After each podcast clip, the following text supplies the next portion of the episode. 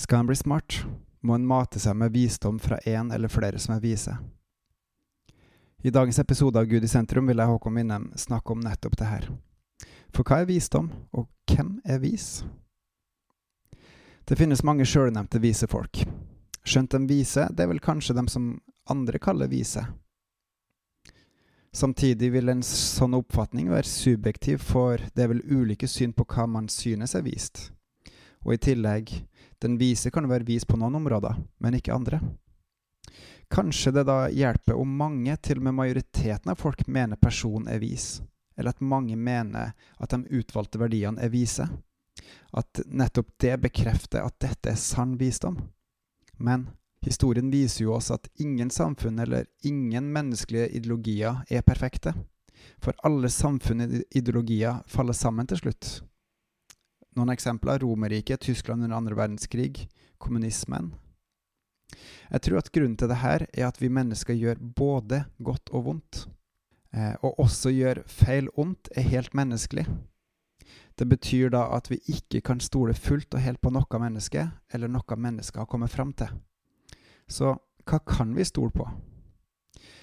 Majoriteten av vitenskapsfolkene har nå kommet fram til at det trolig må ha vært en skapende kraft som satte i gang alle prosesser her på jorden, for ting kan ikke bare bli til av seg sjøl ut av ingenting. Den krafta her har jeg tidligere i livet ikke kjent, bare kjent til. Men i løpet av de siste 14 årene har jeg blitt bedre og bedre kjent med den. Denne krafta har jeg hatt kontakt med, har jeg kontakt med flere ganger om dagen, fordi det er naturlig og et stort privilegium. Denne krafta er Gud, altså Far, Sønn og Hellig Ånd. Nå som Jesus sitter i himmelen og ber for sine, har han sendt sin Hellige Ånd, sin kraft, for at vi skal kjenne og bli opplært i hans visdom, i Jesus, som også blir omtalt som visdommen i GT. Denne krafta kan du også bli kjent med. Denne krafta bor i meg og hver enkelt som tror på Jesus og følger hans ord. Dersom du også vil bli kjent med den krafta, fortell Gud det.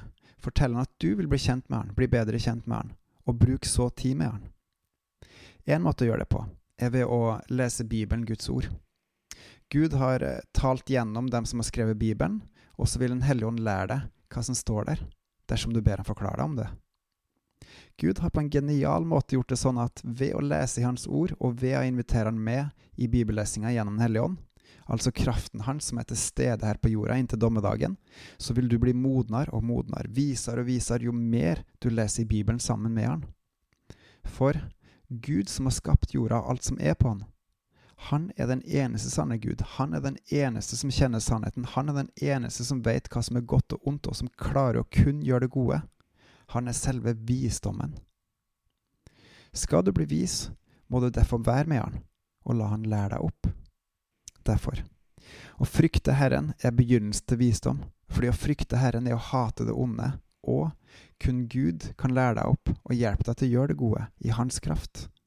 Vi er svake i oss sjøl, men Han er sterk. Vi er mennesker, Han er vis. Vi er fortapte, men Han vil frelse oss i si kraft, bare vi tror, og så følger Han. Da får vi Hans kraft, og da får vi evig liv. Da får vi opplæring av Hans hellige ånd, og da skjer det store under i våre liv, fordi han bor og virker i oss. Og ønsker du å kjenne Gud personlig, så be Gud om å fylle deg med en hellig ånd. Med hans kraft, med hans vilje, med hans ord, så blir du hans.